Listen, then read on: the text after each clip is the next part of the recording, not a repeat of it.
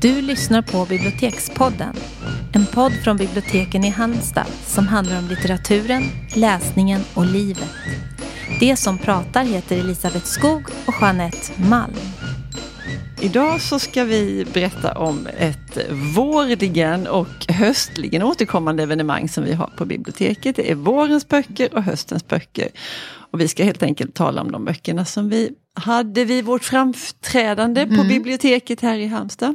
Det blir det göttaste ur det göttaste. på. Precis. Ja, helt enkelt så går det till så att vi är ett gäng bibliotekarier som turas om att berätta kort och kärnfullt, det var i alla fall våra intentioner, om våra Ja. favoritböcker som är nyutkomna under perioden. Mm. Inför publik. Just det. Det var några svarta år där när vi hade det digitalt och inte Ja. fick se vår publik. Och det var väldigt... Det var deppigt. Det Det var var, inte kul alls. Nej. Däremot uppskattar publiken det så mycket så att vi har, nu kör vi både och. Mm. Så att det finns de som sitter hemma och tittar Ja, live. det, men Det det är, är ju bra, man kan välja. Ja, precis. Ehm, har du tänkt ut något ord till Det idag? har jag gjort. Och alla de andra gångerna så har jag tagit, valt ord som jag har tyckt om på ett Mm. eller annat sätt. Men nu ska jag ta ett ord som jag tycker har blivit eh, gått inflation i. Ja. Eh, och det är det här med liksom värdestegringen. Att man tar i så mycket så att till slut finns det ingenting kvar. Nej. Det tycker jag är väldigt tråkigt. Ordet Ja. jag tänker på är magiskt. Och det Ja. säger alla om precis allting hela Mm. tiden. Har du Mm. tänkt på det? Mm, Ja, det är magiskt. absolut. Man slänger ut sig det är liksom helt magiskt. jag menar, Mm. Det ska man väl använda med urskiljning när det Mm. verkligen, verkligen, det är inte så många magiska tillfällen man upplever. Nej, Eh, nej, absolut. så sluta upp med det. nej, men jag kan inte använda det längre för det går inte Nej. för att det är så urvattnat. Tänker du på någon särskilt sammanhang där det sägs extra ofta? Eller Jag tycker det sägs och skrivs eh, urskillningslöst generellt överallt. Ofta? Ja. Eh, Mm. Mm. När, när tycker du att man ska använda det då? Nej men det liksom- ska ju vara de det är inte när man liksom- tittar på Joe Labero. För det är Nej, det, inte det är en annan magi. bokstavlig betydelse Ja. av det. Eh, Och då får man använda det precis hur som helst när det verkligen handlar Men det är om eh, trollkarlar. trollkarlar. Mm. Eh, Men när det är... Alltså det ska ju vara de där verkligen liksom helt... Ja. När det inte finns några andra ord för att beskriva det. Mm. Som när man står i en bokskog och tittar upp mot himlen. Då kan man använda det som jag Mm. gjorde igår. Mm. Eh, Men jag sa det inte. För jag tänkte nej. Nej. det förminskar den här upplevelsen Mm. om jag använder det ordet. Mm. Ja, men jag förstod hur du menade, jag ville bara höra det. Ja, nej, men det är jättebra att man får tänka till lite. Mm. Ja, vad har Ja. du då? Bra. Nej, Det ja. hiss eller diss? Nej, men det är ett ord som jag tycker om. Eh, och det är ordet inspiration. Ja, Eh, mm, jag tycker det är ett härligt ord. Och nu har, vi har ju sagt om de här orden att vi ska inte hålla på och kolla upp sådär vad de betyder eller Nej. förled och eh, härkomst och sådär. Men nej. jag tänker att det, det har någonting med att liksom att anden blåses in i en, alltså anda, att man får liksom en, ja.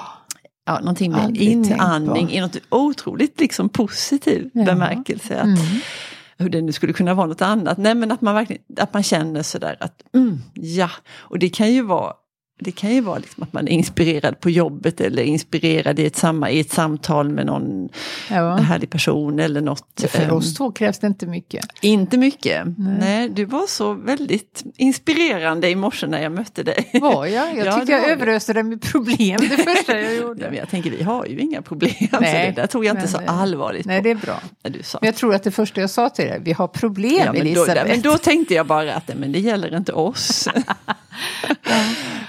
men samtidigt var du väldigt energisk. Och, ja, usch, eh, lite för jag speedad jag. det- Jag får, vad får värma ner nu? Ja, men du, det smittade. Mm.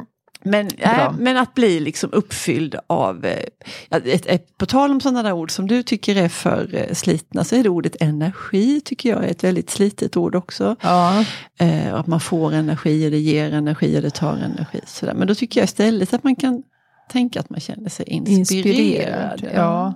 Nej, och att det, ju- ja, att det ordet inte är liksom förbehållet sådär när man står och målar vid staffliet eller Nej. sin lilla mårdhårspensel. Eller när man skriver eller gör något sånt konstnärligt. För man kan ju vara inspirerad i vardagen. Mm. Man får använda det på olika nivåer Ja, helt det enkelt. Det är, det är ens egen känsla där Mm. som är Mm. Det, är- det är ju skillnaden mellan det här, mitt ord då, Mm. eh, som Ja. eh, faktiskt ska för, förbehållas till Mm. de där riktigt utvalda tillfällena. Ja, men det är sant. Mm, Men du, ska vi gå till böckerna nu? kan vi göra. Mm. Eh, Då får du börja. ja, Mm. eh, jag pratar ju alltid om fackböcker då. Ja, Ibland är jag lite avundsjuk på er som Mm. får prata om romaner. jag tycker det är härligt när du är avundsjuk. Jag Ja. det. ja. Eh, nej men sådär att det är verkligen där lustläsningen. För jag känner varje gång att de här böckerna hade jag inte läst om det inte hade varit för att jag hade gjort urvalet till vårens och höstens böcker. Nej. Men ska sägas då att varje gång är jag lika glad över Mm. att jag har fått tillfälle att läsa dem. Eh, just för att jag inte hade Gjort valt det dem annars. annars. Nej, nej. Så att det är inte alls synd om mig på något sätt. Nej. Första boken ut är skriven på, alltså f- på 70-talet redan, men har kommit i en nyutgåva. Så det är därför jag valde att ta med den, för det är en sån klassiker som kanske fallit lite i glömska, men som då förtjänar en ny läsekrets. Mm. Eh, författaren heter Stads Terkel. Bara en sån namn. sak. Jätteroligt. Studs. Studs Terkel. Eh, Han var då journalist i eh, USA, en sån riktigt hårdkokt eh, kändisjournalist som eh, bekände sig till den här traditionen av eh, muntligt eh, berättande och muntlig Mm. historia som Mm. du vet eh, Svetlana Alexievich också Ja. brukade och som ledde till att hon tilldelades Nobelpriset. Mm. Eh, det han gjorde och den här boken handlar om det är att prata med amerikaner som eh, levde under den stora depressionen. Boken heter Hårda tider, amerikaner berättar om den stora depressionen. Mm. Och som vi alla vet så är det ju, inleddes det med börskraschen 1929. Och före dess ska sägas, då hade vi ju ett första världskriget då som slutade 1919. Mm. Och efter det blev det ju total eufori för då hade man då också haft den här spanska sjukan. Som om det inte världskriget var Nej. nog så sammanföll det också med spanska sjukan. Så när det, man var ur det här då blev ju folk som tokiga. Tror jag det. Ja. Och det dansades och det spelades och nya liksom jazzen kom och Charleston kom och kvinnorna klädde sig liksom fritt och ledigt och klippte håret. Och det var verkligen det här glada 20-talet som man pratade om. Det började också spekuleras på börsen och det var det som ledde till den här börskraschen för det blev totalt överhettat. Och folk eh, blev ju totalt lusfattiga över en natt. Eh, och det här drabbar ju alla, inte bara de som liksom hade spekulerat utan det blir ju alltså en inflation som var galopperande. Arbetslösheten var över 25 procent i USA, det var miljoners miljoners hemlösa. Och det som Stats Terkel gör i den här boken det är att han pratar med hundratals av de här. Och de får berätta eh, hur det, det påverkade just dem och deras familj och deras liv. Och det är jätteintressant. Mm. För det är alltid det här individuella berättelsen Ja. som ger liksom kunskap faktiskt. om ett Mm. stort skeende. För det kan jag aldrig ta in det här liksom att men så fort jag får en persons Ja. eh, egen Ja. och då Mm. förstår man liksom vidden av Ja. eh, hur det var och hur det slog. Mm. Ja, Nej, men det är verkligen sant. Eh, Just de där personliga berättelserna. Det, Mm. Sån är man ju. Ja, eh, min första roman, då, eftersom det här då är i stort sett, det är i alla fall skönlitteratur, eh, med ett litet avsteg. Men det tar vi sen, för nu är det en roman och det är Detaljerna av Ia Genberg. Som ju blev en sån riktig supersnackis när den kom. Den blev hyllad och verkligen i parti och minut. Eh, Mm. Och när, när sånt händer så kan det, för mig kan det bli på två olika sätt. Och antingen är, blir jag sådär, åh suck, nej men den boken klarar sig utan mig och jag klarar mig utan den. Ja. för den sköter sig själv och alla kommer att läsa den ändå. Ja. Det, vi är ju ändå väldigt präglade av vårt ämbete, Jeanette. Det är Ja, inte det, det där man vill tipsa om, berätta och så. Ja. Jag tänkte den boken kommer att leva ett gott liv utan mig. Ja. Och jag kanske utan den. Men det är det ena som kan hända. Det andra är att jag liksom dras med och blir sådär, åh ja men det här måste jag läsa och jag läser alla det recensionerna. beror ju också på vad det är för en typ av bok. Ja, såklart. Eh, Och, mm, Alltså Dan Brown dras man ju kanske inte med i så lätt. inte det minsta. Nej, men, Nej. nej. men den klarar sig ju ändå. Men Genberg kände man man väl ändå att det här är kvalitet. Mm, för man blir inte ens nyfiken, eller jag blir ju inte det på Dan Brown. Nej. Sådär. Men, nej. Nej men, Men- det är tvärtom. Ja. Den ska ju inte... ja. Ja, eh, nej men i alla fall, men för den här blev jag väldigt entusiastisk över och tänkte med en gång, jag blev uppjagad och tänkte Ja. att, att det här kommer att bli sina grejer. Och vad som sen hände när jag läste den var att jag läste den alldeles för fort, jag liksom hetsläste den. Du var i samma bara- mod som jag är idag. Ja, Inte precis. Jag bara goffade i mig boken och så tänkte jag, oj, men vad hände? Det där gick ju för fort och det var för glupskt så jag fick göra om. Och Du kände det. redan då att du missade för ja, mycket. Ja, det gjorde jag. Ja. Ehm, mm. För jag tänkte att, att det fanns mer i den boken som hade gått mig förbi för att jag var för otålig, för hetsig. Faktiskt, och jag läste Mm. Men det är intressant att du la skulden på dig själv och inte på boken. den. Mm. Ja, men det, lätt kanske, ja, men det kanske är så klädsamt i efterhand. Det kan nog vara så att jag tänkte också att ja, men var det så bra? Men, men på något vis så kände jag ändå på mig att, Ja. att det var det. Jag bara säger detta för jag tycker faktiskt att det här är en bra bok och att den förtjänar att läsas. Mm. Men det finns jätte, jätte, jättefina partier som man skulle vilja citera.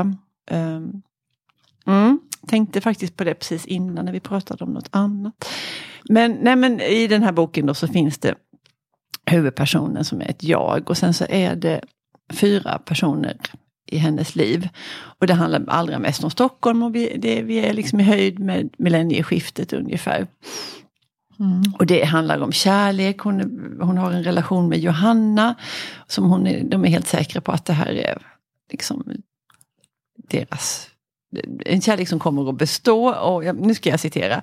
För då skriver hon så här. Vi installerade oss i varandra som bara människor gör som är säkra på ett långt liv tillsammans. Mm. Och vi, det här gillar jag också. Vi blandade våra böcker och saker utan urskiljning och märkning. Eh, de hade liksom samma smak sådär. Och de, men det skilde sig ändå, så här skriver hon, men det skilde sig tillräckligt mycket för att samtalen skulle bli intressanta. Vissa saker tyckte vi olika om. James Joyce, Charles Bukowski. En del lämnade oss båda oberörda. Nadine Gordimer och fantasy. Och annat älskade vi gemensamt. Claes Östergren, Krilon och Doris Lessing. Ah, Det är så härligt med alla de med Ja, litteraturen. ja, man för det- för man då. fattar precis vad det är för några Ja. Personer. Och sen så ett annat jätteintressant kapitel handlar om, då är det, på, då är det en kompisrelation om Nicky, som det står om henne att hon är en högexplosiv person. mm. Och man vill ju genast vifta med en varningsflagga för man fattar, vi fattar som läser och huvudpersonen Mm. själv förstår att here comes trouble. Och det är liksom en väldigt charmig person den här Nicky, Mm. men hon tål liksom inte något motstånd eller några motgångar eller några liksom komplikationer på något sätt, för då blir hon rasande och drar och sådär. Och det är en dödsdömd vänskap som ändå måste ha sin gång. Mm. Liksom. Och sen så handlar det om en, en man som hon har en fantastisk, eh, väldigt erotisk, härlig relation med.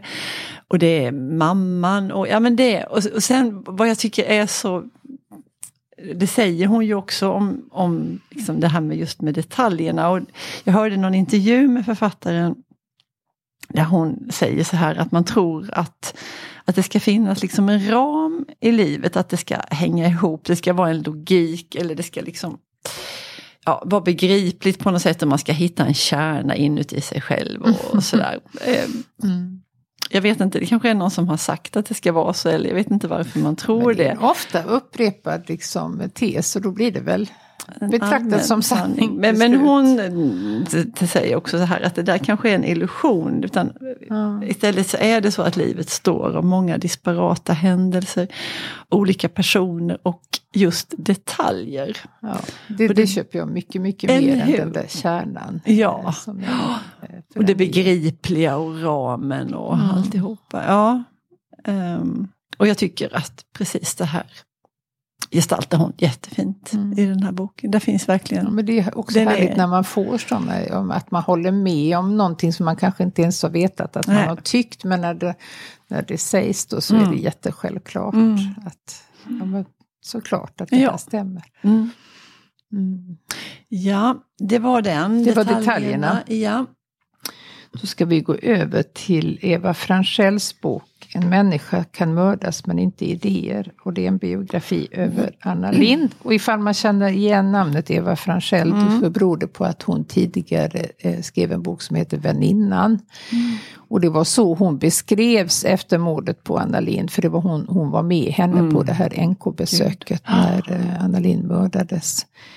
Eh, och det jag tänkte på när jag läste den, att det finns sådana här datum som alla som liksom var i vuxen ålder, medveten ålder, då kan säga exakt vad de gjorde och vad de var när de fick ett visst besked. Och eh, Anna Lind knivhögs ju på den 10 september 2003 mm. på NK. Och jag vet att jag hörde det på radion. Mm. Och det det liksom framfördes som en ganska harmlös, det var, en, det var ju en chockartad attack. Mm. Men är absolut inte någon eh, fara för henne utan det talades till och med att ja, hon ställer in imorgon men på fredag skulle, mm. några dagar mm. senare skulle hon vara med i någon debatt. För det här var mm. precis under eh, EMU-omröstningen. Eh, e Folkomröstningen. Folkomröstningen ja. där. Och hon var ju glödhet, för hon var ju sånt liksom affischnamn för eh, ja-sidan.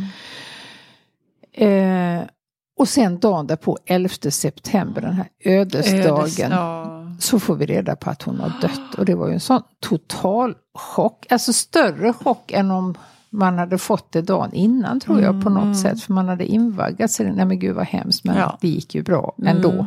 Så framför mig någon liksom ja. rispa att hon... Ja. Eh, detta skriver eh, Eva Franchell om. Men det handlar egentligen inte speciellt mycket om mordet. Utan det handlar om Anna Linds politiska liv som ju har varit liksom helt enastående. Mm. Och hade hon fått leva så hade hon ju blivit eh, Sveriges första kvinnliga statsminister. Partiledare först och statsminister sen. För Göran per, det var Göran Persson-eran mm. och han hade ju liksom börjat att dra sig tillbaka lite grann. Mm. Det som jag då kan säga, vända emot boken, att det är, hon är så rädd för att missa något. Så hon berättar lite för mycket okay, och lite ja. för utförligt om alla kongresser och middagar mm. och du mm. vet turer mm. hit och dit i riksdagen som till slut blir lite väl mycket. Och det kanske är beroende på att jag är mer intresserad av personen mm. och tar åt mig mycket mer av partierna där det är hennes privatliv mm. till exempel mm. som eh, inte var helt enkelt. Hon var ju gift med Bosse Holm Bergqvist. Berg? Berg va? Berg. Ja, vi säger det. eh, Bo Holmberg, ja. Han var ju en eh, stor politiker och karismatisk och betydligt äldre mm. än eh, Anna Lind. Men han blev ju helt sidsteppad av henne. Mm. Och detta kunde, kunde han, han, ta det? Nej, han kunde ju inte nej. det. Sen, alltså hon säger att det här var en bidragande orsak. Men han, han drack väldigt, väldigt mycket. Mm. Och betraktades som alkoholist. Och han dog ju av det inte alls många år nej. efter att uh, Anna Lind mördats. Så hon väjer ju liksom inte det, hon vill absolut inte snaska, Nej. det är inte alls det. Men hon menar på att man måste också kunna visa de här sidorna. Ja. Att allt var inte så himla enkelt för henne Nej. som man skulle kunna tro. Av den här liksom offentliga bilden. Mm.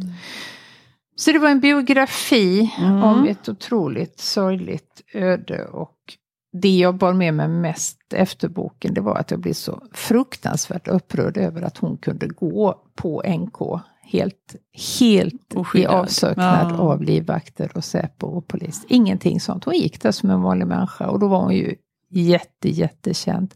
Mm. Och det sa ju han, ehm, eh, killen då som dödade henne, att han visste ju knappt vem hon var. Han bara såg att hon var känd och han, mm. han var ju psykiskt sjuk. Mm. Eh, och att det var ett infall. Så hade hon mm. haft skydd så hade hon ju med största sannolikhet mm. levt. Mm. 46 år blev hon. Usch. Ja. Ja. Mm. Min nästa bok heter Den udda kvinnan och staden och det är ju en biografi men den är väldigt, den är skönlitterärt skriven. Eh, hon som har skrivit den heter Vivian Gornick och hon är journalist. Hon är nu på sin ålders höst, jag tror hon är sådär 87 år nu eller någonting mm. sånt där.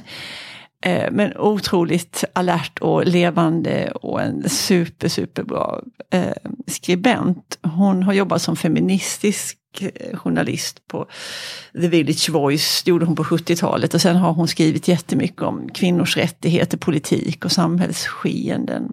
Men den här boken är skriven nu? Mm. Mm. Ganska nu, ja. Mm. Eh, den, hon skrev en annan självbiografi tidigare. Men den här är tämligen ny. Den är ju översatt och sådär. Mm.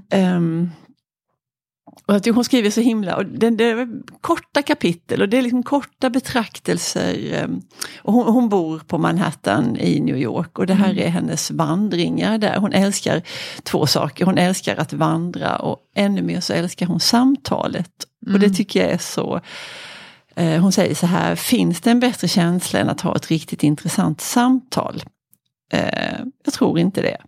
För mig är det en helt unik känsla av att bli sedd när någon annan förstår vad man säger och sen tillför något helt nytt. Det tycker jag är en magisk upplevelse. ja, fast där tycker ja, där, jag att det kan det, det väl... Befogat. Ja, det tycker det jag. jag med om. Ehm, och i den här boken då så får vi samtala med henne och vi får hänga med på de här promenaderna på Manhattan och hon tjuvlyssnar mycket också på andras ja, samtal. Ja, underbart. Eh, och vi delar allt med Gornick i de här perfekt långa, alltså jag läste den jag läste ofta på kvällen och det är liksom helt perfekt. Man kan ta några mm. sådana här vandringar och så, så kan man också liksom prata med henne och fundera och liksom hänga med i de här replikskiftena och tycka någonting själv också. Alltså, jag är ju sån superlantis, jag skulle ju aldrig vilja bo någon annanstans än där jag bor utanför Halmstad. Men nu kommer jag liksom på mig själv med längta efter mm. det här urbana livet, det här mm. riktigt urbana livet. Mm. nej men i New York, liksom att höra hemma där. Ja, Exakt, eh, ja, och, liksom, och ta del av allt det där. Eh, precis, liksom. och avenyerna är mig välkända och man ja. stammis på några olika syltor ja, sådär. Precis. Helt bortom där turisterna knallar fram mm. utan man vet mm. liksom egna coola ställen. Ja. Den känslan infinner ja, sig. Det är jättelockande, ja. i teorin i alla fall. Absolut. Eh, och det, där finns också något systerskap med Virginia Woolf, och hon har också skrivit mycket om, hon vandrade ju i London, jädra vad hon vandrade. Mm. Och hon kunde göra en hel grej av att hon var tvungen att, att lämna hemmet för att gå och köpa en särskild penna någonstans. Eh, och sen så... Och skrev om det Och så skrev hon det, ja. Ja. Och, de här, och hon funderade också på människor hon mötte och det här med att komma hem till sitt mm. hem efteråt. Ja, nej men den, alltså för att vara en biografi så är den väldigt allmän hållen och den handlar ju om det är inte så mycket om henne då? Utan ja, alltså, det, gör, det gör det ju också. Eh, det handlar också om kärlek och vänskap och engelsk litteratur. Och, och så handlar det också om, det, nu kom det här med du sa, det handlar om henne, det handlar mycket om hennes egen mamma och det här med att vara dotter. Eh, för Vivian Gornicks egen mamma, allt hon ville var att dottern skulle gifta, gifta sig och skaffa familj, för det var liksom det ja. man skulle göra. Det får vi då betänka hennes höga ålder, så det här var ju länge sedan. Ja. Men eh, hon har varit gift två gånger och skilt sig lika många. Hon har kommit fram till att arbete, inte kärleken och definitivt inte äktenskapet får henne att känna sig som mest fri och mest som sig själv. Mm. Um, det blir inga barn? Nej, det blev Nej. det inte. Men hennes livsråd är så här då från den här feministen som hon ju är, Vivian Gornick. Sex hellre än äktenskap, arbete hellre än sex. Ja, fantastiskt. det tycker jag. Man gillar henne ju. Ja, man gör det, Aha. verkligen. Ja, det var Gornick. Det var Gornick. Mm. Då ska vi gå över till verkligen kontraster här i eh, ja, urvalet av böcker. Härligt.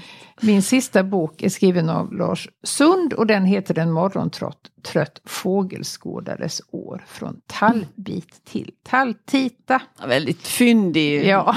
titel. Eh, och, och att han är eh, morgontrött är också härligt. Ja, det ska man då läsa med en, alltså det är en olika definitioner av morgontrött. För han går upp vid femtid oh, och skådar, men då har alla de andra varit uppe i flera då, timmar. Då har de gått och lagt sig igen, de ja, riktiga typ. hardcore-skådarna. Okej, okay, ja ja. Så att, eh, nej. Men Lars Sund är i alla fall finlandssvensk och han har gett ut alltså, gedigna romaner om Jag har läst dem Colorado faktiskt. Avenue ja, till ja. exempel. Ja. Eh, som var en del av en trilogi som mm. blev väldigt uppmärksammad. Mm. Så han är liksom en god stilist. Och han är så otroligt ödmjuk och blygsam på ett väldigt sympatiskt vis. För det framgår ju hela tiden. Man får alltså följa ett, ett fågelår, Mm. det som är dagboksform. Och att han kan ju otroligt mycket om fåglar, men han är så rädd. Han kallar sig inte ornitolog, Nähä. utan han är, är, jag är bara en glad amatör och sådär. Ja. Men det här upptar ju hela, han är besatt och han är medveten om sin besatthet. Och bekämpar den lite grann, för han inser att det här är inte Kan riktigt gå överstyr. Ja, det går ut över så mycket annat. När fåglarna går före allt så, så Ja, är det man, man ju ute på lätt lite förstå. Ja. halis. Eh, men sen är det också en del sådär intressant kuriosa. Eh, jag ska ta några exempel där. Att den här tallbiten då från eh, titeln, är, den har en tarmkanal som är ovanligt lång och smal. Den är anpassad till att smälta frön från lingon. Mhm. Alltså evolutionen är Ja, väl ändå fantastiskt. helt galet fantastiskt. Där har vi en som gillar lingon, då måste vi fixa Ja, då tarmen. fiskar så vi att- tarmen. Och det är säkert Ja. bra för lingorna också. Det finns ju Säkert. liksom någon symbios ja, i det. Ja, ja, ja. Ormvråken, det vet man ju att rovfåglar är beroende av en väldigt god syn. Mm. Ormvråken har en miljon tappar per kvadratmillimeter näthinna. Mm. Det är mycket. många tappar. Ja, hur får de plats? Nej. Tänker man. Nej, man- Kvadratmillimeter. En miljon tappar. Usch. Det svindlar. Det svindlar. Ja. Ian Fleming, du vet, Mm. James Bonds eh, fader och eh, skapare. Han var hängiven am- amatörornitolog, så James Bond är alltså döpt efter en expert på Karibiens fåglar. Det visste man inte. Nej, det visste man inte. Sen får man ju också, alltså kikarens historia går han Mm. igenom och ornitologins historia och även det problematiska med fågelskådning. För det är ju mycket sådär liksom mängd, man ska se så många Ja, fåglar. Man ska det kryssa väl. Ja. och det ska åkas hit och dit Mm. och då är det någon som rapporterar att det finns någon liten fink någonstans Mm. och då ger sig alla dit oavsett liksom när på dygnet. bil. Och, Mm. ja, och flyg, det flygs Ja. liksom jättemycket och det är ju extremt problematiskt och det Mm. påverkar ju på sikt fåglarna. Fåglarna själva, ja. Eh, men då föreslår han den här nya formen, eller nyare formen av fågelskådning som kallas för ekoskådning och då får man bara gå, cykla eller paddla kanot. Mm. Så att det finns en lösning även på detta. Mm. Men en väldigt sympatisk, trevlig bok. Mm. Ungefär som Gornik, fast det, kan, alltså, det är också det enda som de har gemensamt. Men de här liksom nedslagen och man Mm. känner att man lär sig mycket utan att för den skull liksom behöva ge sig ut själv. Utan Nej. det har ju han gjort för mig. Ja, kan man får nosa på det. Ja. Läsa om det. Mm. Det var min sista. Det var din sista, ja. Ehm, det här, det, väl, alltså, urvalet av de här böckerna är fruktansvärt svårt att göra tycker jag. När man Ja. ska, för det är så många som man är nyfiken på och sen kanske man blir besviken på någon. Och så, men jag tycker ofta blir det trångt, liksom, man får ta bort någon bok för någon annan. Ja, och det värsta tycker jag är om det kommer någon alldeles innan. Så man Ja. känner, den skulle jag ha. Ja. Men då har man ju redan läst Ja. sina kanske tusen sidor. ja. kan man ju inte börja om. Du, det var precis exakt det som hände mig. För jag gjorde faktiskt det, för jag blev så fruktansvärt taggad på en bok som heter Eurotrash. Av eh, Christian Kracht. Den dök upp här i elfte timmen inför vårt, Mm. vårens böcker. Och till all lycka så är den inte så lång, max 200 sidor tror jag. Mm. Eh, Så att något annat fick, jag vill inte säga vad det var som fick stryka på foten. Men någonting var det, för den var, det var bara tvunget att ha med den. Ehm, Mm. och när pratade man om en schweizisk författare senast? Det tyckte Nej, jag också kan inte var... nämna någon Nej, ens. knappt. Eh, och, det, och sen är det också så här att huvudpersonen heter också Christian. Och den Kraft. handlar, ja, och det kanske inte framgår, men Christian i alla fall, han, han blandar det här egna och Mm. eh, skönlitteraturen på ett härligt sätt. Men handlingen är så här att bokens Christian brukar hälsa på sin mamma en gång varannan månad. Vare sig det behövs eller ej. Men nu när boken börjar så har hon ringt och sagt att han måste komma pronto. Han måste åka till Zürich. Om Zürich tycker han så här. Denna stad av skrävlare och viktigpettrar och förnedring. Den hade paralyserat mig i åratal. Det hade blivit hemskt. Det hade blivit helt och hållet avskyvärt. Det hade blivit mer än jag kunde stå ut med. Min mor var nämligen mycket sjuk, det vill säga sjuk även i huvudet. Inte bara där, men framförallt där. Det här står ganska tidigt i boken. Mm. Man får så mycket där. Mm. Alltså hur han hatar den här staden och i stort sett hela landet. Också denna stad av skrävlar och viktigpettrar och förnedring. Alltså det är väldigt signifikativt för hur han, det är sarkasmer och eh, starka känslor. Någon har sagt om Kracht att han förhåller sig till författarrollen på samma sätt som en skådespelare förhåller sig till sin rollfigur, det vill säga intimt. Ah, intressant. Um, och det som vi var inne på innan då, det har ju lett till en otydlig gräns mellan författare och den fiktive Christian. Han säger själv om sin stil att den är parodisk, att det är en blandning av hög och låg kultur. Och det stämmer såklart också, han känner ju sin egen stil. Um, och vad, är, vad det är som jag tilltalas så mycket av i den här boken, och det är den här blandningen av, av fasa och skratt som jag tycker är mm. obetalbart. När det är välgjort så, tycker, så är det liksom mm. helt obetalbart. Eh, och jag vet att när vi pratade om den här boken innan du och jag så tänkte vi båda på Edward St. Aubyn. Den brittiske författaren som skrev de här fantastiska böckerna om Patrick Melrose. Det är lite samma här, det är en ja. extrem överklass. För så har Christian Kracht och hans namn i boken också. Mm. Där har liksom inte fattats pengar men det har också varit svårt och fruktansvärt. och um, ja, där finns liksom humorn, pengarna, drogerna och övergreppen. Eh, han blinkar till Thomas Mann och han associerar för mig eh, med den här missmodige österrikaren Thomas Berner. Det är det här mm. svarta, svarta, svarta. Mm. Eh, och, och, att det finns sån humor i det här också. Det är en modern pikaresk roman. Eh, med den här liksom handlingen då så är det en roadtrip genom Schweiz. För han, får, han åker med sin mamma då som är väldigt sjuk.